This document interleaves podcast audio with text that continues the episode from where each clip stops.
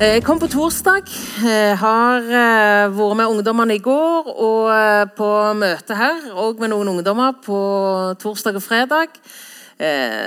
utrolig kjekt å være på VEA igjen. Det er ganske lenge siden sist. jeg heter Aud Karin. nå bor jeg i Kristiansand. Jeg jobber i Indremisjonsforbundet. og jeg må jo bare få lov å Jeg vet ikke om det er rett å gratulere med etablering av forsamling, men eh, det har iallfall vært med glede. Jeg har eh, liksom litt på avstand fulgt den eh, prosessen som dere har vært i, og som dere er i. utrolig stas å ha litt kontakt med Lars i forbindelse med de møtene her nå.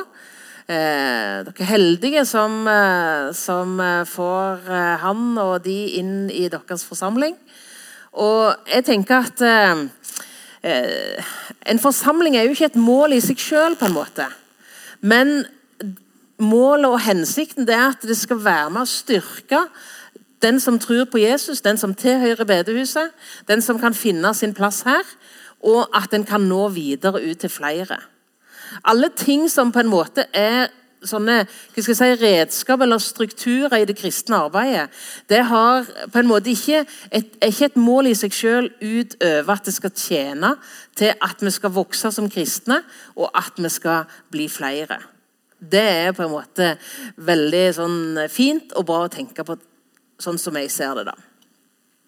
Men dere er mange gode folk her, og jeg syns det er veldig stas å tenke på at dere er i gang. Og jeg kommer nok til å følge med litt fra sidelinja òg. Og har jo gleden av å være forsamlingsarbeider i Flekkerøy bedehusforsamling. Og vi òg har det sånn at vi tilhører både Indremisjonsforbundet og Misjonssambandet. Og eh, vi opplever det som veldig både nyttig og, og fint for oss. Ja. Eh, det, eh, I det siste så har jeg snakket ganske mye om det som har med, med personer i Bibelen. Jeg syns det er så bra å kunne liksom, lese om de personene. Jeg syns det er bra å kunne kjenne meg igjen. Syns det er bra å ha noen forbilder. Og så lærer en mer om hva det vil si å være kristen, og en lærer mer om Bibelen. I dag så har jeg lyst til å stanse opp ved to personer spesielt. Kanskje litt tre. Men først og fremst to, to stykk. Det er Martha og Maria. Eh, du har kanskje hørt om de. Det står spesielt om de i tre forskjellige sammenhenger i Det nye testamentet. Eh, først kan jeg gjerne si at Martha og Maria de bodde i Betania. Vi er ca. tre km fra Jerusalem. Og eh, disse tre søsknene som de var, som bodde sammen, de, hadde, de var Jesus sine venner. De hadde Jesus på besøk, og det kunne vært spennende å høre deres troshistorie. For det står det ingenting om. Det står ingenting om hvordan de ble venner med Jesus, men det står noe om hvordan de opplevde vennskapet sitt med Jesus. Men først har jeg bare lyst til å kommentere at Betania det navnet det betyr nådens hus. Og Jeg tenkte det at jeg skulle ønske at Ragnar og mitt sin heim kunne ha en sånn en, et skilt over døra. Nådens hus. Eh, jeg ønsker at eh, jeg kan få lov til å være en del av en heim der det er mye nåde. Der vi kan få leve i Guds nåde, der vi kan få lov å vise hverandre nåde, og der vi kan få lov å vise andre mennesker nåde. Det syns jeg er fint. Men så tenkte jeg på det at det hadde vært flott å ha det som, som eh, liksom et skilt over døra når folk går inn. Men vet du hva som hadde vært enda bedre? Det var at hvis de som hadde vært inne, hadde opplevd det som et nådens hus, og kunne ha det som, som, sin erfaring etter å ha vært besøk, på besøk hos Ragnar og meg, så kunne de si at vi har vært i et nådens hus. Gjestfrihet det er en verdi som Bibelen løfter høyt. Og Jeg har fått eh, nyte godt av Tove Kristin og Hallgeir sin gjestfrihet. Jeg har vært i et sånn nådens hus nå disse dagene her. Og jeg har bare lyst å gi som en sånn liten oppfordring til det å tenke om heimen sin som et nådens hus for hverandre, for andre og ikke minst i forholdet vårt til Gud. I Lukasevangeliet, i kapittel 10, i slutten der, så leser vi noen vers som ofte på en måte har vært en slags ja, Jeg tror gjerne det er et av de avsnittene i Bibelen som har gitt oss litt sånn dårlig samvittighet. gjerne. Men nå har jeg lyst til å på en måte stoppe litt eh, med, med det avsnittet der. Martha og Maria. Jesus han er på besøk i Betania. Eh, Martha hun nok, er nok sjef for maten og tilretteleggingen. Maria hun bryter litt kutyme. Maria gjør det litt annerledes enn det som var vanlig. Hun var ikke umiddelbart på tjenerkanalen i forhold til søstera, men hun setter seg ned sammen med mennene og så lytter hun på det som Jesus har å si. Og så vokser irritasjonen hos Martha. Hun syns det er urettferdig at hun skal være alene som har ansvaret for maten. Og Så går hun bort til Jesus og så sier hun, bryr du deg ikke Jesus, om at eh, min søster lar meg være alene med å tjene deg. Og så svarer Jesus på en litt sånn korrigerende måte. Martha, Martha, du gir deg strev og uro med mange ting, men ett er nødvendig. Maria har valgt den gode del, som ikke skal tas ifra henne. Og så kan vi si er det sånn at eh, Jesus kritiserer Martha fordi at hun lager mat? Er det sånn at Jesus kritiserer Martha fordi at hun er opptatt av at, eh, at hun skal gjøre sine, eh, sin, sin, oppgave som vertskap i huset? Det er ikke nødvendigvis sikkert at det er sånn. Kanskje så er det bare at Jesus konstaterer at Martha, det er så strevsomt for deg. Du sliter sånn, Martha, med det du skal gjøre.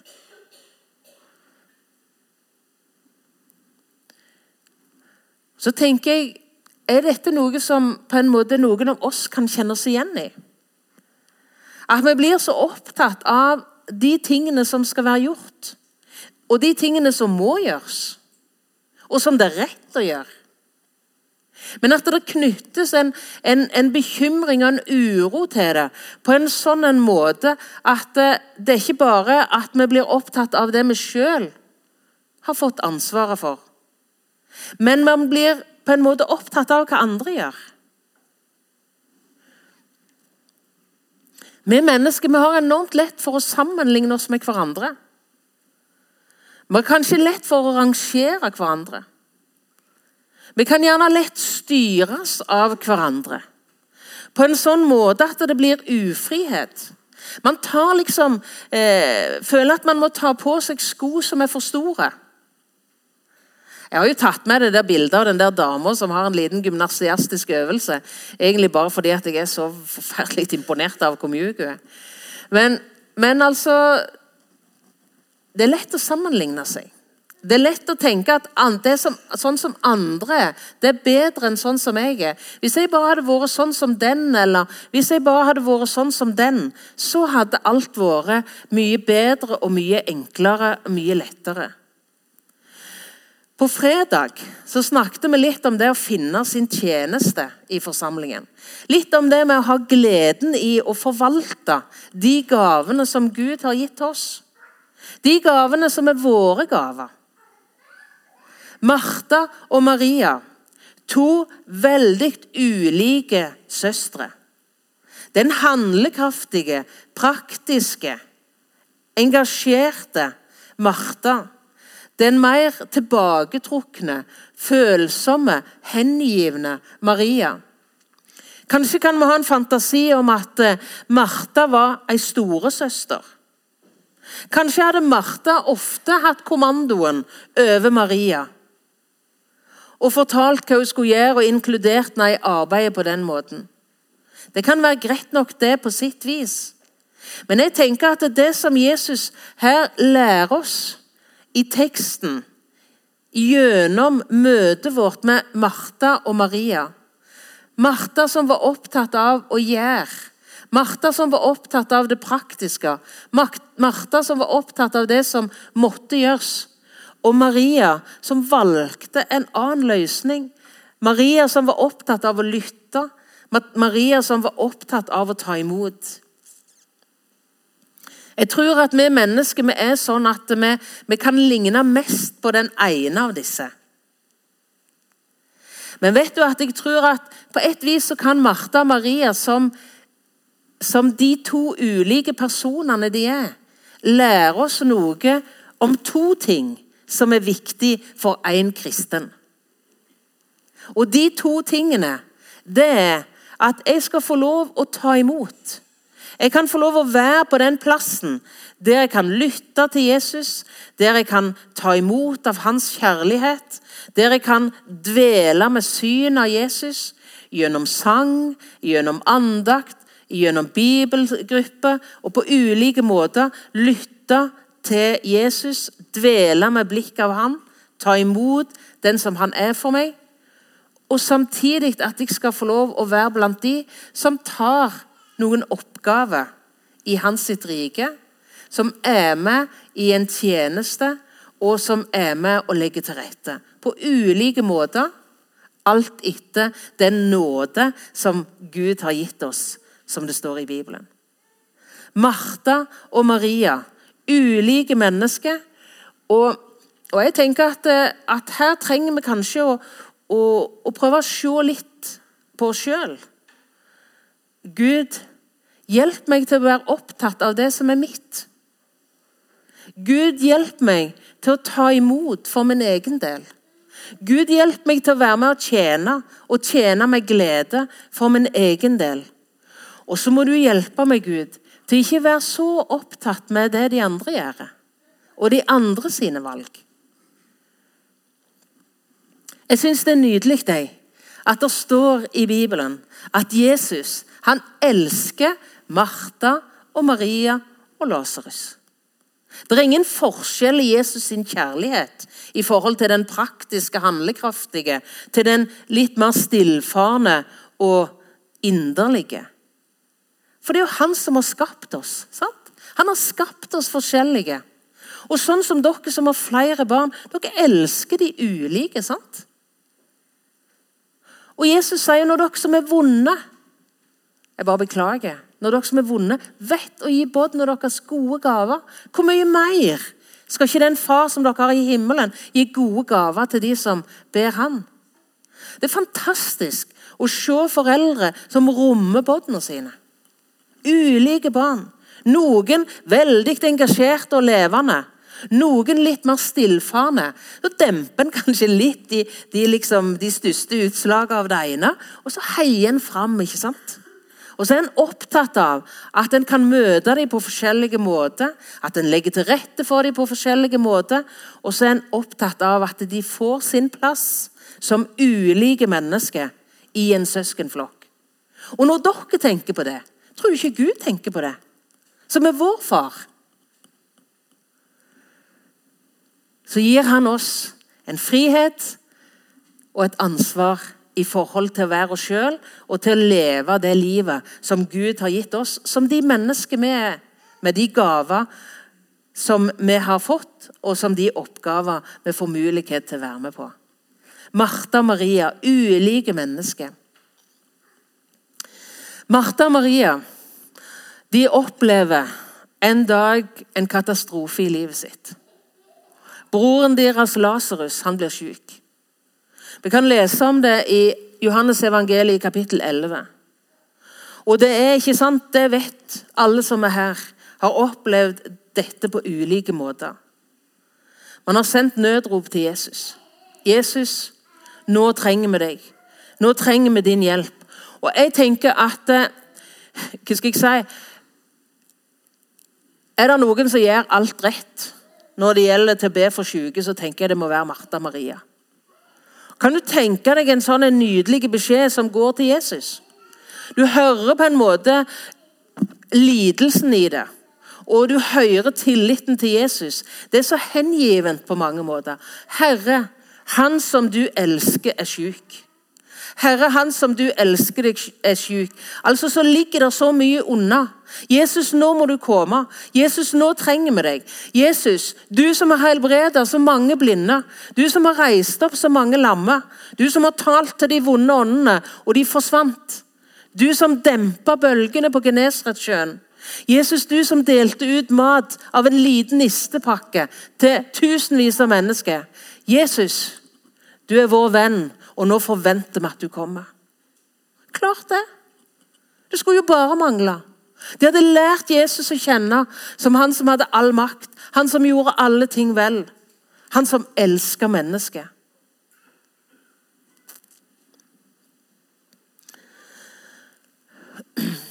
Men så måtte de vente, og de måtte vente lenge. Det er kjempekrevende å vente på Jesus. Jeg har vært lærer på bibelskolen på Bildøy. For mange år siden så skulle jeg ha ansvar for en, en time, og så hadde jeg bestemt meg for at vi skal lese siste del av Markus 4 og første verset i Markus 5. Og Så sa jeg til studentene at nå kan dere lese de versene der. Om når Jesus og disiplene er i storm på Genesaretsjøen, Jesus sover i båten, Disiplene regner med de skal dø, og de prøver å vekke Jesus. Ja vel. De leser det én gang, de leser det to ganger, tre ganger, fire ganger, fem ganger. Når de har lest fem ganger, så sier de nå kan dere snakke litt sammen, to og to eller tre og tre, om det som dere la merke til i teksten. Ja vel. De prata, og jeg så at ansiktsuttrykkene var litt forskjellige rundt omkring. Og så til slutt så sier jeg Er det noen av dere som vil si noe av det som dere opplevde når dere leste? Noe av det dere la merke til? Og så er det ei jente som retter på hånda, og så sier hun Vet du noe, så? Jeg syns det er så rart at disiplene ble så redde. Jeg skjønner ikke hvorfor de ble så redde. Jesus var jo om bord. Det var ikke rart at han ga dem en liten korreks og sa 'hvor liten tro dere har'. Jesus var jammen tålmodig. Og Så var det ei annen som retta opp hånda. Vet dere hva hun sa? Hun var ganske hissig. Så sa hun Jeg skjønner ikke hva Jesus lå der og sov etter. Kunne han ikke våkne med det samme? Han visste jo at de var redde. Kunne han ikke stilt den stormen litt før? Så kjente jeg tilfeldigvis litt disse jentene her. Jeg visste at hun ene hadde kommet til bibelskolen. Hun var skikkelig på. Hun var klar for å finne Guds plan med livet sitt. Hun ville så gjerne være en, en disippel av Jesus. Og, og, livet var egentlig ganske greit. Men så kjente jeg hun andre òg. Og jeg visste at hennes mor var kronisk syk. Og akkurat nå sto det ganske dårlig til. Livet vårt avspeiler, ikke sant? Opplevelsen vår av å høre Jesus til. Og jeg tenker, Velsigna ungdommer som sier det de mener. Velsigna ungdommer som sier det er sånn som de tenker og sånn som det treffer de. Og jeg tenker Det kan vi lære òg av Martha og Maria. Skal vi komme litt tilbake igjen. For av og til så er vår erfaring, vår opplevelse, at Jesus sover. At Jesus ikke bryr seg, at Jesus ikke helbreder, at Jesus ikke kommer sånn som vi hadde tenkt, og sånn som vi syns det var naturlig. Og så er det vanskelig å være en som hører Jesus til. Hvorfor sover du, Jesus? Hvorfor kommer du ikke, Jesus?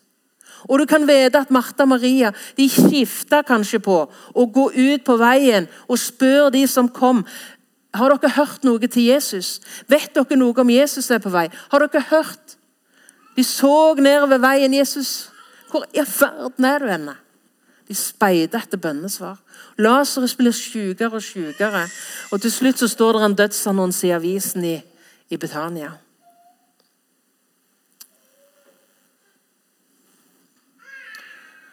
Så endelig kommer Jesus. Martha, fremdeles den praktiske, handlekraftige, hun springer imot Jesus. Hun hører at han kommer ut av huset, fram til Jesus, kaster seg ned for Jesus og sier, 'Mester, hvis du hadde vært her, så var ikke bror min død.'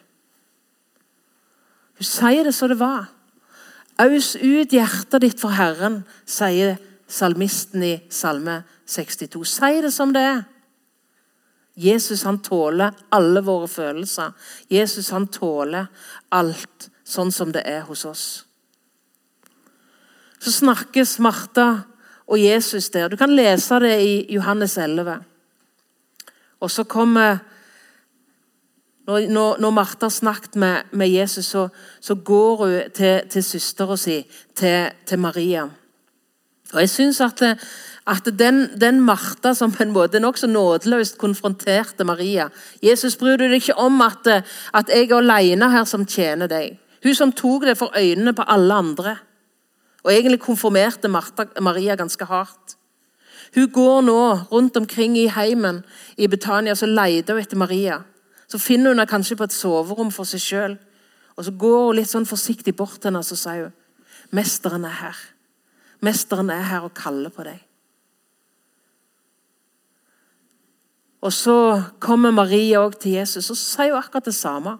Det var tydelig det var dette de hadde snakket om. 'Hvorfor kommer du ikke, Jesus?' Og Maria sier, 'Mester, hvis du hadde vært her, så var ikke broren min død.'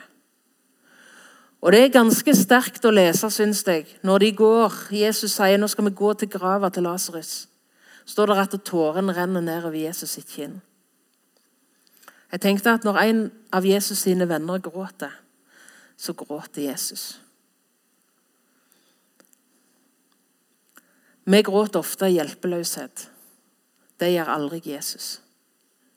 Jesus han gråt i medlidelse. Han som er oppstandelsen og livet. Han som om få minutter skulle rope Lasarus ut av grava. Han lei i sammen med sine. Jesus bryr seg om hvordan du har det. Din situasjon berører Jesu hjerte. Han elsker deg, ser du.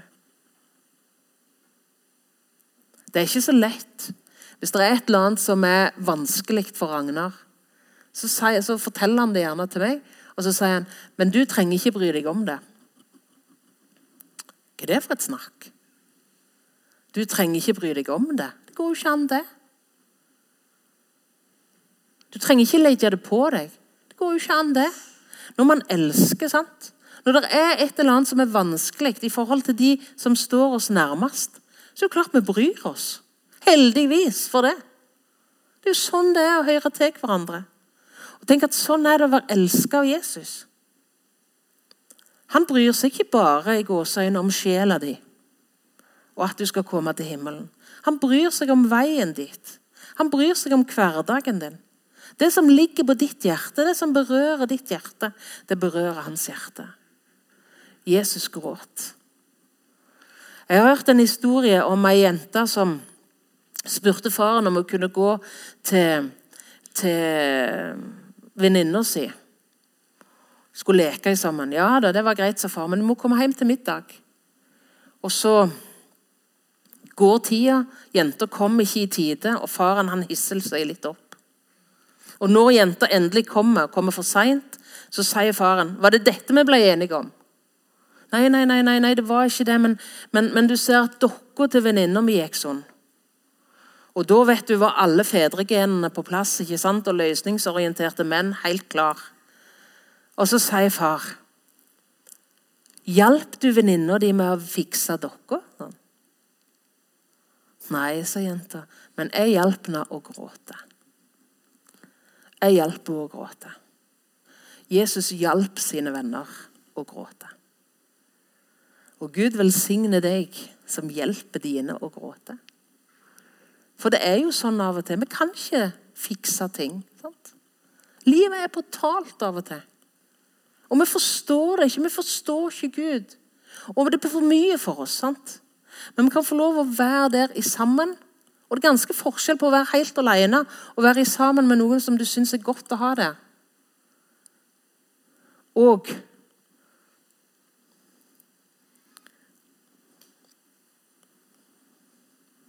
Jesus er der. Jesus er der. Jesus elsker deg, ser du. Og så er det sånn at han med tårene på kinn. Han roper inn i ei grav. Lasarus kom ut. Jeg er oppstandelsen og livet. Tenk å kjenne Jesus. Tenk å ha et håp som går ut over livet. Tenk å kjenne Han som gikk i forveien for oss, inn i himmelen. Den førstefødte av de døde, som vi så på bibelverset her. Han oppsto, og vi skal oppstå. Vi er gjenfødt til et levende håp. Og så er vi på en måte som mennesker. Vi er her i livet med de muligheter, og de utfordringer, med de gleder og sorger som hører livet til. Men så er vi ikke alene. Og så kan vi være nær hverandre. Og så kan vi få lov til å vite at Han som er oppstandelsen og livet, han elsker meg i alt.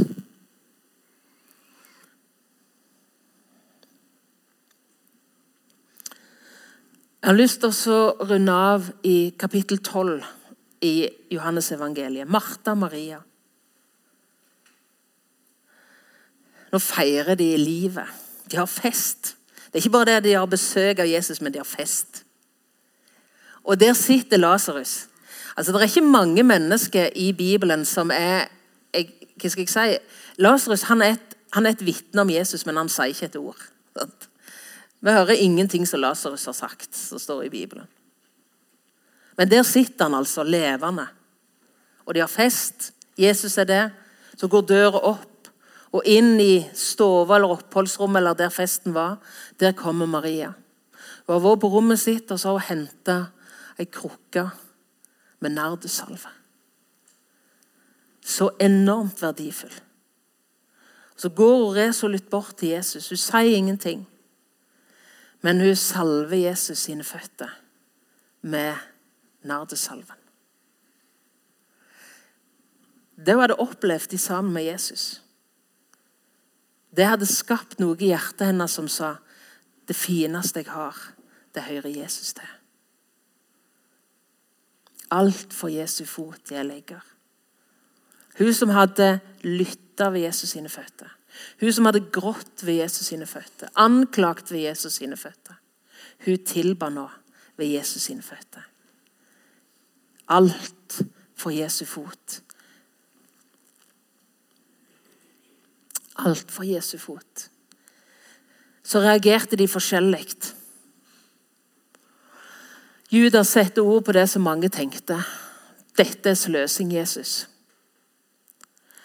Vi har så lyst å minne oss om at Jesus han tok imot det. Jesus visste hva som ventet om få dager. Han var på vei mot Getsemane. Han var på vei mot piskeslag. Han var på vei imot hån og spott. Han var på vei imot ei tårnekrone som skulle presses på hans ansikt. Og under ei uke Seinere, etter Maria salva Jesus sine føtter, så var det nagler som gikk inn i føttene hans. Så tok Jesus imot. Våre gaver til Jesus, vår takknemlighet til Jesus, vår tilbedelse av Jesus er alltid begrensa, er alltid skjørt. Men tenk at han tar imot. Tenk at han tar imot. Han tok imot Maria sin gave.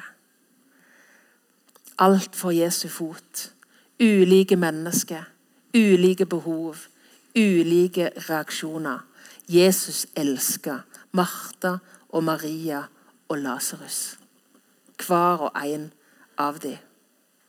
Så skal jeg bare ta noen få ord. Nå hører jeg musikken av de som kommer fra kjelleren. Det er fantastiske lyd. Ved Jesus sine føtter der er det frihet til være den man er. Den man er skapt til å være. Elska og ivaretatt av Han som sier 'vær ikke bekymra for livet'. Ikke en spurv til jorda uten at Han er med.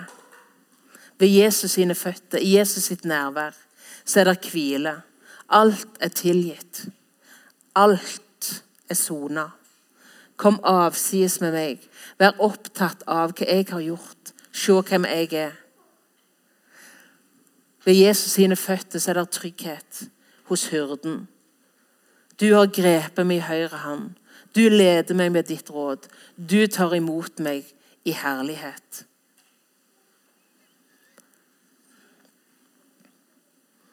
Blant alt nyttig og alt viktig så er det ett som er nødvendig.